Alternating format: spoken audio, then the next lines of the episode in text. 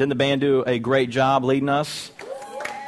Yes, they did. They, they always do. They always do. And um, to add a new element tonight, we got Zachary, otherwise known as Zach uh, Colazzo, back here running sound. Give it up for him. Doing a great job. One of our sixth graders working hard back there, trained by his dad. So he's doing an awesome job. All right, let me ask you a question. We're diving into a new series tonight. Let start off with this question Have you ever been to a large city? If so, yell out some cities you've been to. Large cities. Go ahead, Alex. Wait, hold on. Let's do, let's do hands. Boston, Baltimore, New York. Excellent. Chicago, Houston. Good. Never been there. Lima, Peru. Yes. Montreal. Heck yeah. Yes. Houston. Nice. New Delhi. Who else has been to New Delhi? You win. Yes. Who? DC. DC, yes. Yeah, DC, right, yeah. DC, of course. DC? See, oh, never been there in Seattle. Yes? In the back. What is it? Singapore? That's awesome. Orlando, nice. San Francisco. Honolulu. That's that's good. Boston. Philadelphia. Awesome. Okay. We'll do one more. One more. Shh. Orlando. Orlando. And Richmond. Boom. Except Richmond is way smaller than every city we just named. All right. So, large cities, all of those wonderful. I've not been to a lot of those. Uh, I mean, I got a couple more that were not mentioned Atlanta, LA, London, Tokyo, Paris. Did you say one? Atlanta, yeah. We went to Atlanta together, didn't we, Trevor? All right, so we are beginning. So we start off with large cities because we are beginning a journey through the book of First Corinthians. And this letter, written by Paul, it is written to the church in the city of Corinth. And Corinth is a large city, right? So it's helpful to put our brains in a large city mindset. All right, is located in Greece and it's in the first century. And it might not sound very large to you, but Corinth in the first century has 100,000 people. That's a lot of people in AD 50, okay? Uh, that, that is the equivalent of our cities with millions of people compared to the, the world population. And so it's a very large city in the first century in Greece, and Corinth is very similar to our culture in America and the large cities that we have in America. So Corinth is not only large, it's very worldly, pagan, it's got rampant sin, rampant idolatry. Uh, you have rampant sexual sin in the city. You have wealthy people, poor people, it's very diverse with Greeks, Jews, immigrants from all different countries. You have a city booming with business. You have people climbing the ladder to, to succeed. You have people obsessed with their appearance, their fashion. And this particular city loves sports because Greece has the Olympic Games in the first century. You have famous people in Corinth. It's very similar to our American culture. All right? And the church of Corinth has a new group of believers that have just recently formed when Paul is writing. And Paul started the church in Corinth. And Paul is now, he has now gone, he established the church, he leaves, he then gets a report back to him about how Corinth is doing, and they are not doing well. He hears that they are being heavily influenced by the culture around them. So these you can imagine being a new believer in a place filled with worldliness like a large city, trying to live out your new faith uh, in this environment, and the culture has inf- infiltrated the church. And so it's very, very similar to us. These people are not doing well. There is serious sin in this church that Paul has to address. And uh, throughout the letter, we are going to see Paul correct them, encourage them, and constantly point them back to the gospel because it is only the gospel that can heal them, restore them, sanctify them, and redeem them to be the church that they're called to be. And so, we in our culture, in America, we need the book of First Corinthians because our church and every church in America, but let's just think about our church. We can start to have the culture around us infiltrate in here. Our mindsets, our hearts, right? The way we see each other, the way we interact with each other. And we need 1 Corinthians, okay? It's going to help us answer some of these questions. And so 1 Corinthians is going to help us live faithful to Christ, faithful to the gospel, especially in the difficult cultural climate that we live in. So we're going to begin chapter 1 today. And chapter 1 is going to start off with a bang and just going to root us right in the middle of the gospel, our identity in the gospel. And then it's going to move into starting to address some of the issues in the church. And you're going to see some division in the church, some conflict in the church that Paul will address. And so, as we look at these first 17 verses, here is the main idea that I want you to walk away with tonight. It is this that we are called by the grace of the gospel, and we are united by the power of the gospel. We're going to explain those two things. We are called by the grace of the gospel, and we are united by the power of the gospel. So that's where we're headed tonight. So let's read verses 1 to 9 first together. And as we read, I want you to notice and either circle or underline or highlight or just notice every time you see the word call or called in verses 1 to 9. Are you ready? You ready, Zaka? You got my verses there? Okay, here we go. Paul called, there's, there it is, second word, Paul called by the will of God to be an apostle of Christ Jesus and our brother Sosthenes. To the church of God that is in Corinth, to those sanctified in Christ Jesus, called to be saints together, with all those who in every place call upon the name of the Lord Jesus Christ, both their Lord and ours. Grace to you and peace from God our Father and the Lord Jesus Christ. I give thanks to my God always for you because of the grace of God that was given you in Christ Jesus, that in every way you were enriched in him with all speech and all knowledge, even as the testimony about Christ was confirmed among you, so that you are not lacking in any gift as you wait for the revealing of our Lord Jesus Christ, who will sustain you to the end, guiltless in the day of our Lord Jesus Christ. God is faithful, by whom you were called into the fellowship of his Son, Jesus Christ. So, our first point as we begin verses 1 to 9 is this only the gospel calls us.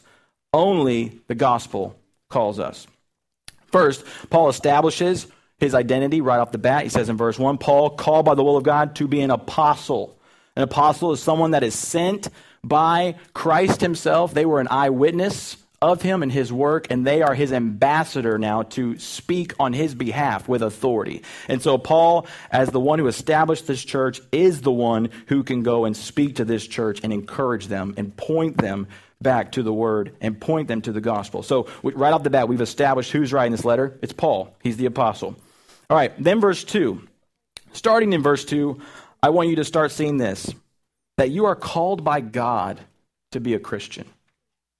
Right, look with me at this little phrase right here. Do you see this phrase in verse 2? To those sanctified in Christ Jesus. All right, if you're looking at your Bible there, to those sanctified in Christ Jesus. The word sanctified here speaks of something that has actually happened in the past, a decisive act that has happened in the past. Usually, when you see the word sanctified in the Bible, it means that is something ongoing, that you are being sanctified, which means that you are constantly being made holy.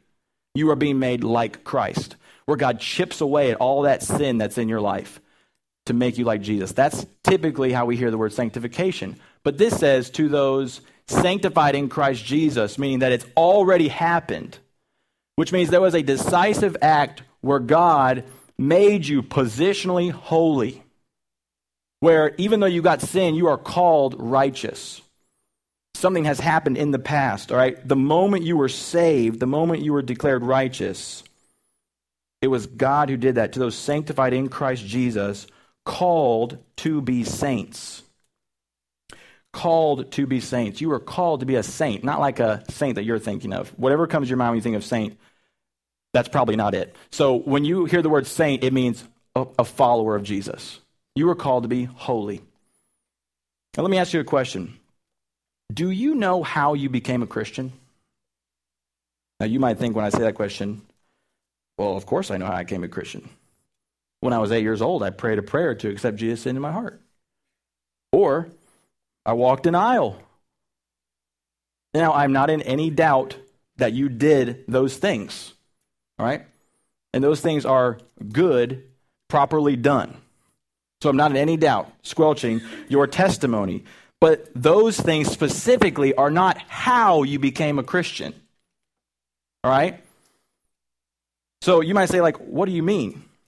So before those moments happened, God decisively did something. He called you. God called you to himself. All right? God made you holy. God called you. And you say, what, what does that mean? God called me. Like, I didn't hear an audible voice, God calling me. My phone didn't ring. That's not what we're talking about. When we say God called me, we're talking about an entire work of God was done to save you. Where only God gets the credit for saving you. Only the grace of God brings you to salvation. So, Ephesians 1 4 to 6 says this He chose us in Him before the foundation of the world. Did you hear that? Let me say that again. He chose us in Him before the foundation of the world that we should be holy. There's that word sanctified that we should be holy, blameless before Him. In love, He predestined us for adoption to Himself as sons through Jesus Christ, according to the purpose of His will. So think about this God just said, not me, God just said, you were chosen before the foundation of the world to be holy. And then what happens is here's how it works for God to call you He chooses you before the foundation of the world, and then He goes and adopts you. He goes after you. And nothing can stop him from going after you because he has his heart set on you before the foundation of the world. And here's how the calling of God works when he goes to adopt you. Ooh, I'm going to step away from that speaker. He goes after you by doing two things there's an external call and there's an internal call. The external call is when you hear the message of the gospel or you read the message of the gospel and the call goes out and you hear it externally come to you. All right? You hear the saving message that Jesus has lived a sinless life in your place because you could not do that on your own. Then Jesus dies on the cross, bearing your punishment in your place because you deserve to be on the cross. And Jesus goes there instead of you. And then he rises from the dead three days later victorious over death so that you could have eternal life. And all who will repent of their sin and trust in Jesus will be saved.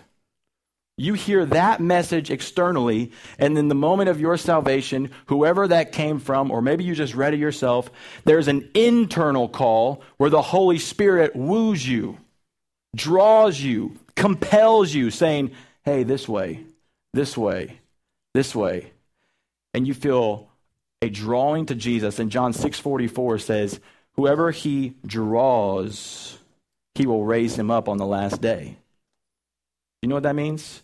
If you are drawn to Jesus, then that drawing will come to completion and he will save you and he will raise you up on the last day. You will be with Jesus. All right? And so the he the Holy Spirit calls you and in the moment of the Holy Spirit calling you, there's conviction of your sin where you see yourself as a sinner in need of a Savior. And you are drawn to Jesus, and your eyes are opened.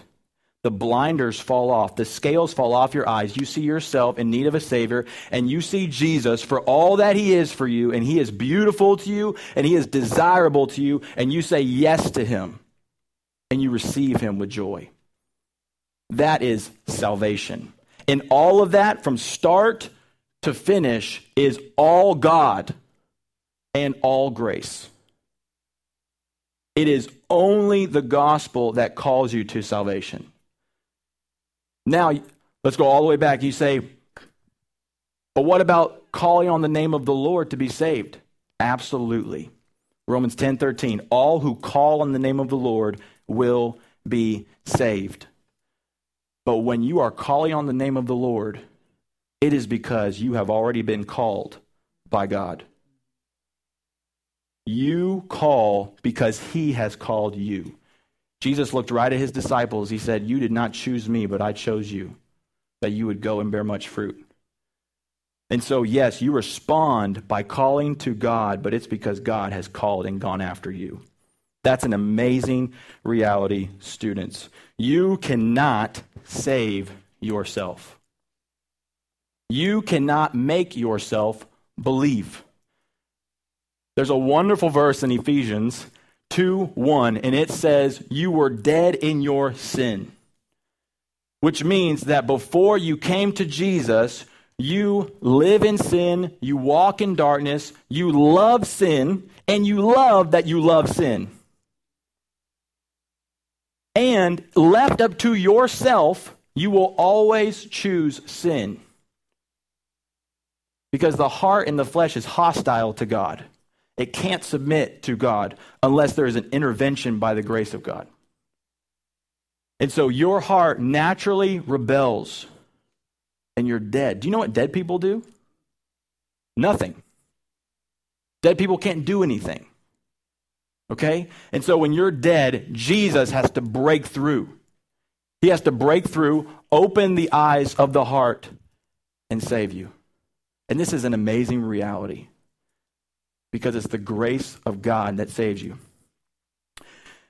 You might think of salvation as more like Let's imagine that you are in the middle of the ocean and you're trying to stay afloat and you're about to sink. And you might imagine Jesus throwing you a life raft and it lands near you and you just kind of sw- swim over and grab it and he pulls you to safety.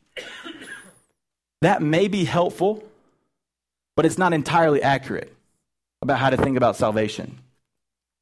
What is actually biblically more accurate, based on Ephesians 1 and Romans, is that you have actually drowned, sunk to the bottom of the ocean. Your body is laying dead on the bottom of the sea. Jesus jumps in, swims to the bottom, picks you up, swims to the shore, puts you on the beach, and breathes life into you.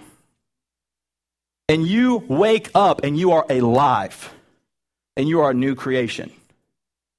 And no one in their right mind waking up on that beach wakes up and goes, I walked an aisle, said a prayer.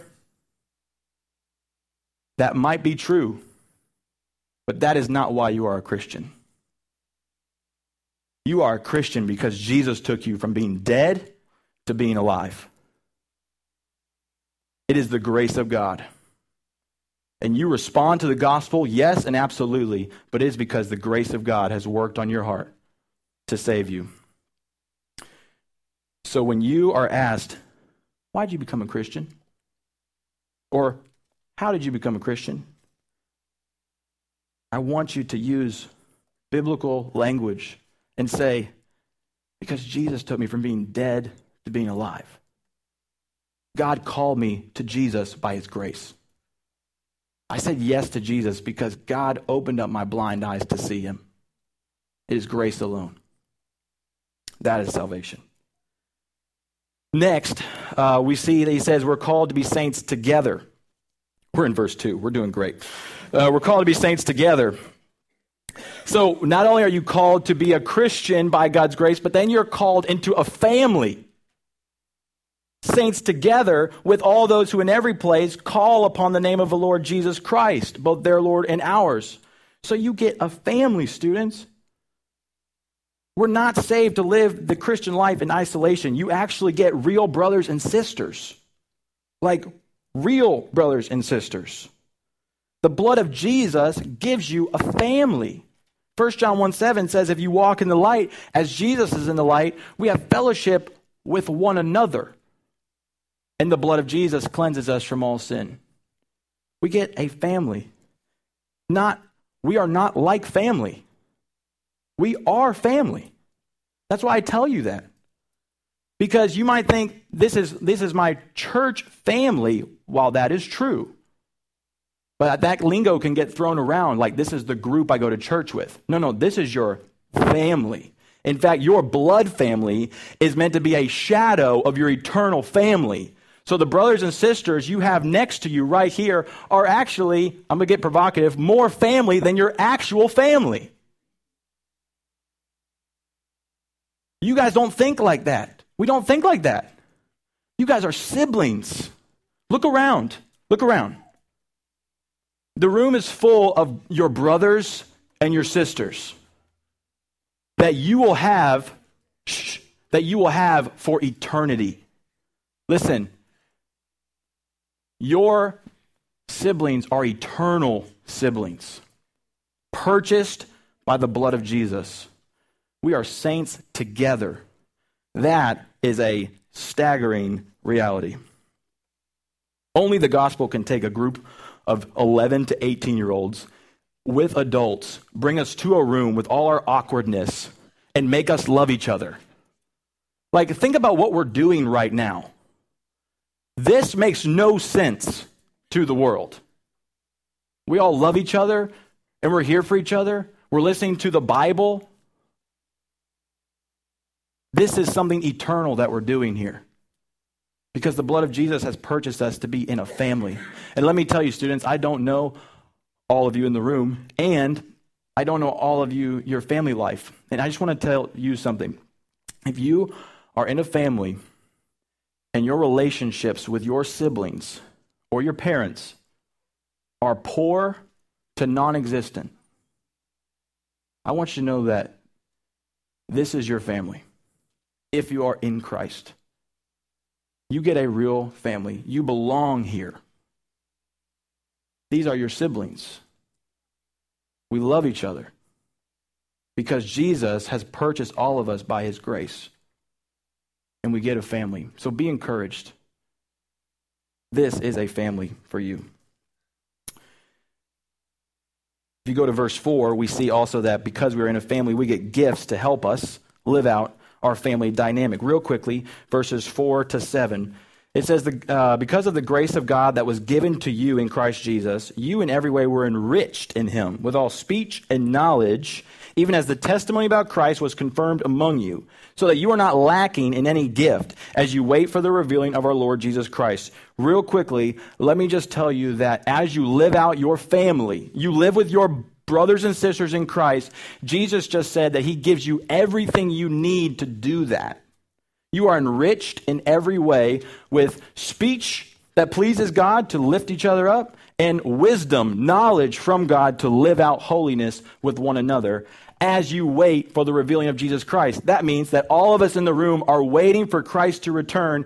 And in order to persevere in the faith to the day that Christ comes back, we need each other.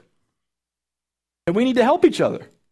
And so God gives us amazing grace and says, Look, not only have I saved you, not have I put you in a family, but I've actually equipped you by my grace now to help each other grow and persevere to the end as you wait for Jesus to come back. That's awesome. Let's keep going. Verse 8.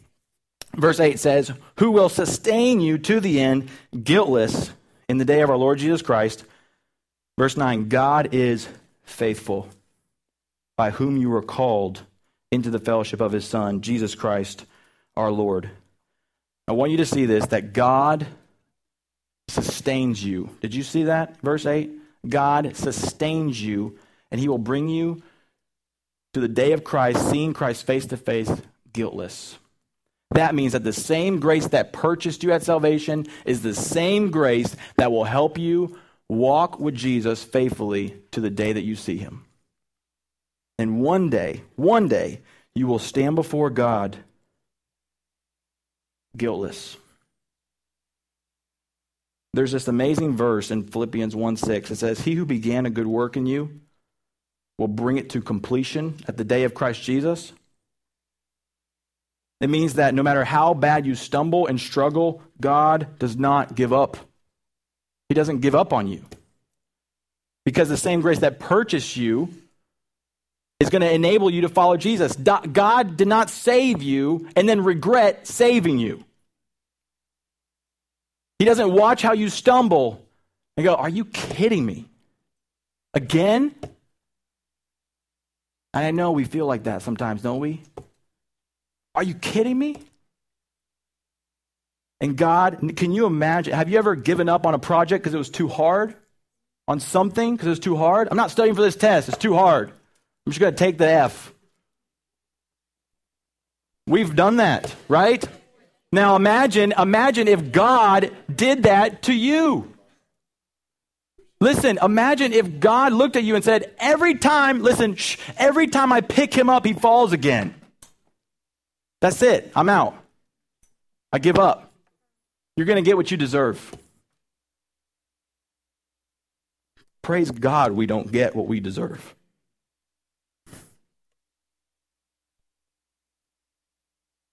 God promised, He promised that He will finish what He started.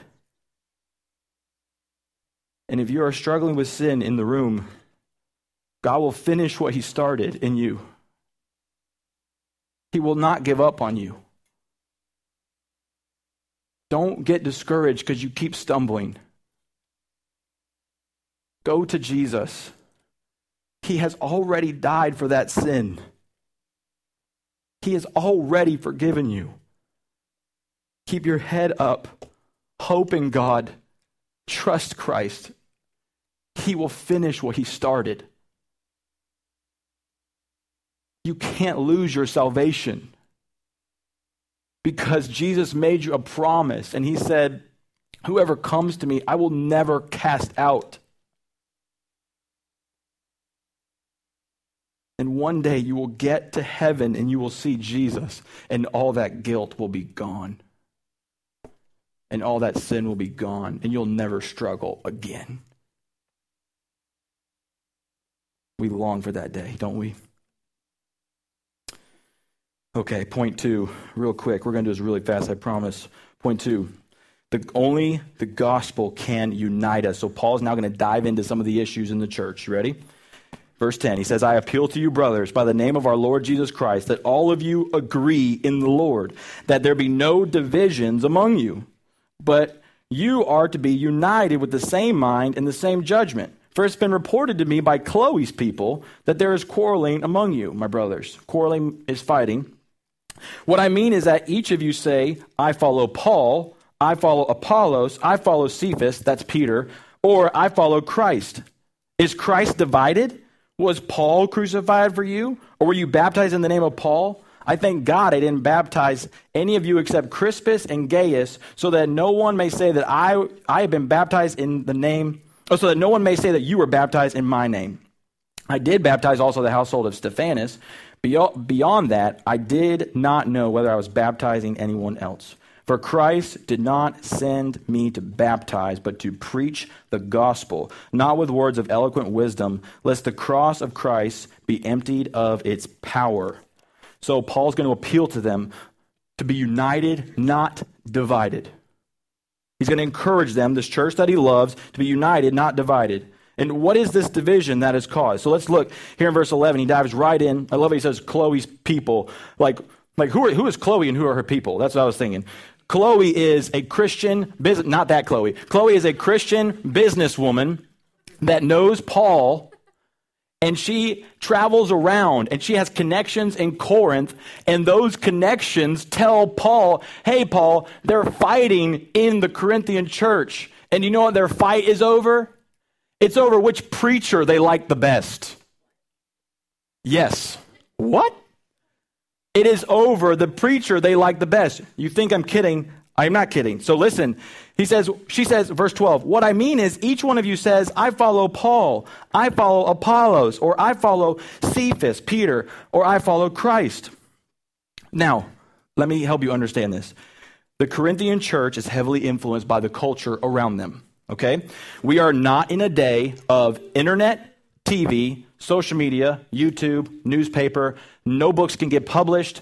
None of that. Okay? And so the Corinthian people in the city loved great speakers. Because a speaker, though, could stand in a stadium and speak to a large audience and become well known. You guys now tracking with me? Okay? And so they love great uh, rhetoric. That means great use of words. You know, how polished is their language? All of these things. They love great speakers. And this type of culture got into the church and they started applying that to the preachers that went and shared the gospel to them. And so what it did was it created divisions. It literally created cliques or camps of people. The Paul camp, they liked him the best, the Apollos camp and the Peter camp, and then the Jesus camp. And what you have here is cliques, literally cliques in the church over the speaker they like the best. And Paul and Apollos and Peter, they're all bros. They're all friends. And they're all preaching the gospel.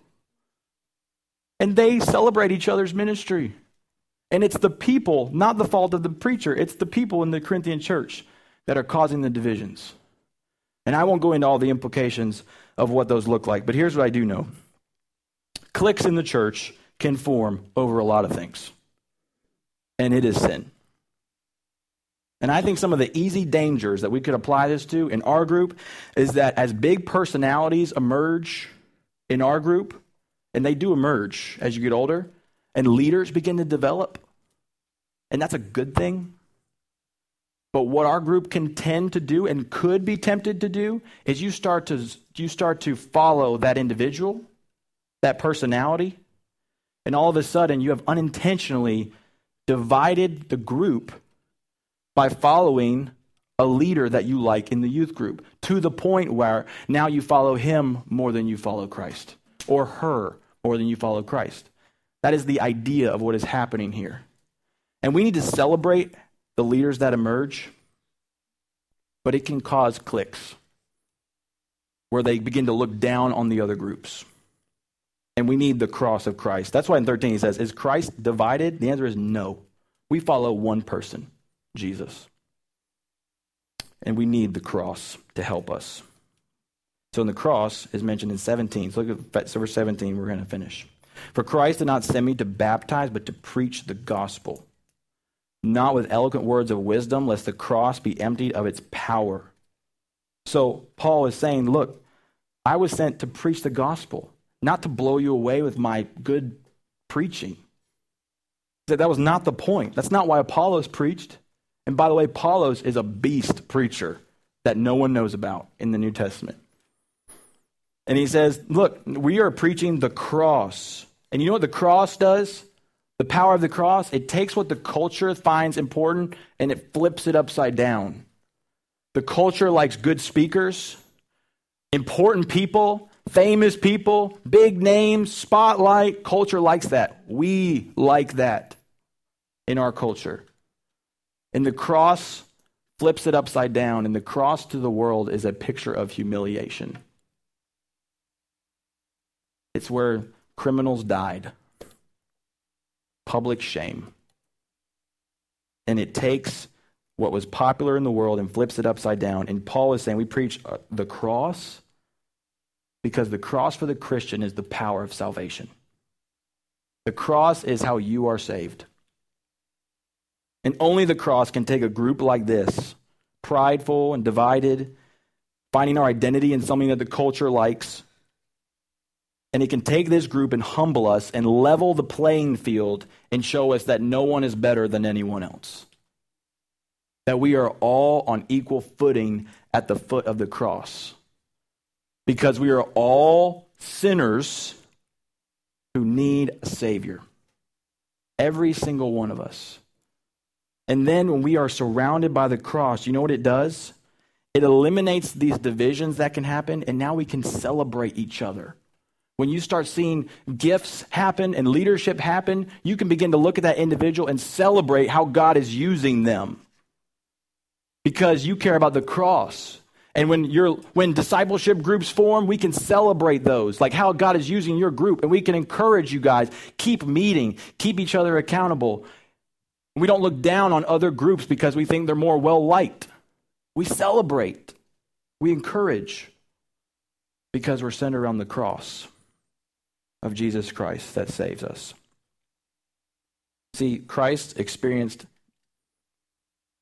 division from God and from people so that we could be united with people and with Christ, so that we wouldn't have to experience division. Christ experienced separation from God so that we would not have to experience separation from God and that we could have fellowship with each other. Christ did it for you. Only the gospel can do that for you.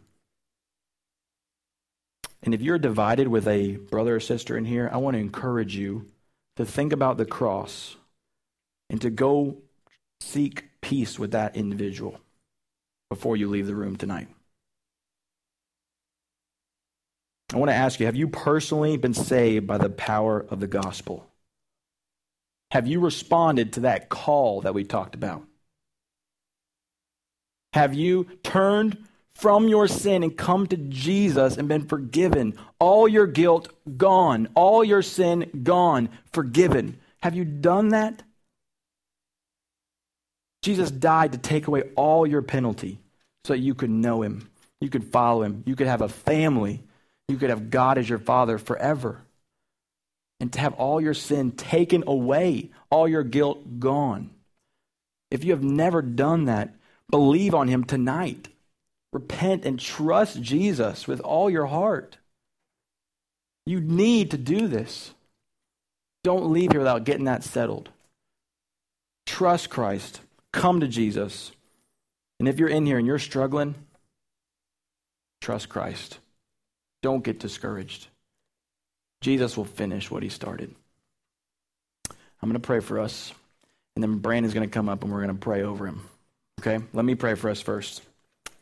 Thanks for listening, guys. You did awesome. Let's pray. Father, we love you. So thankful.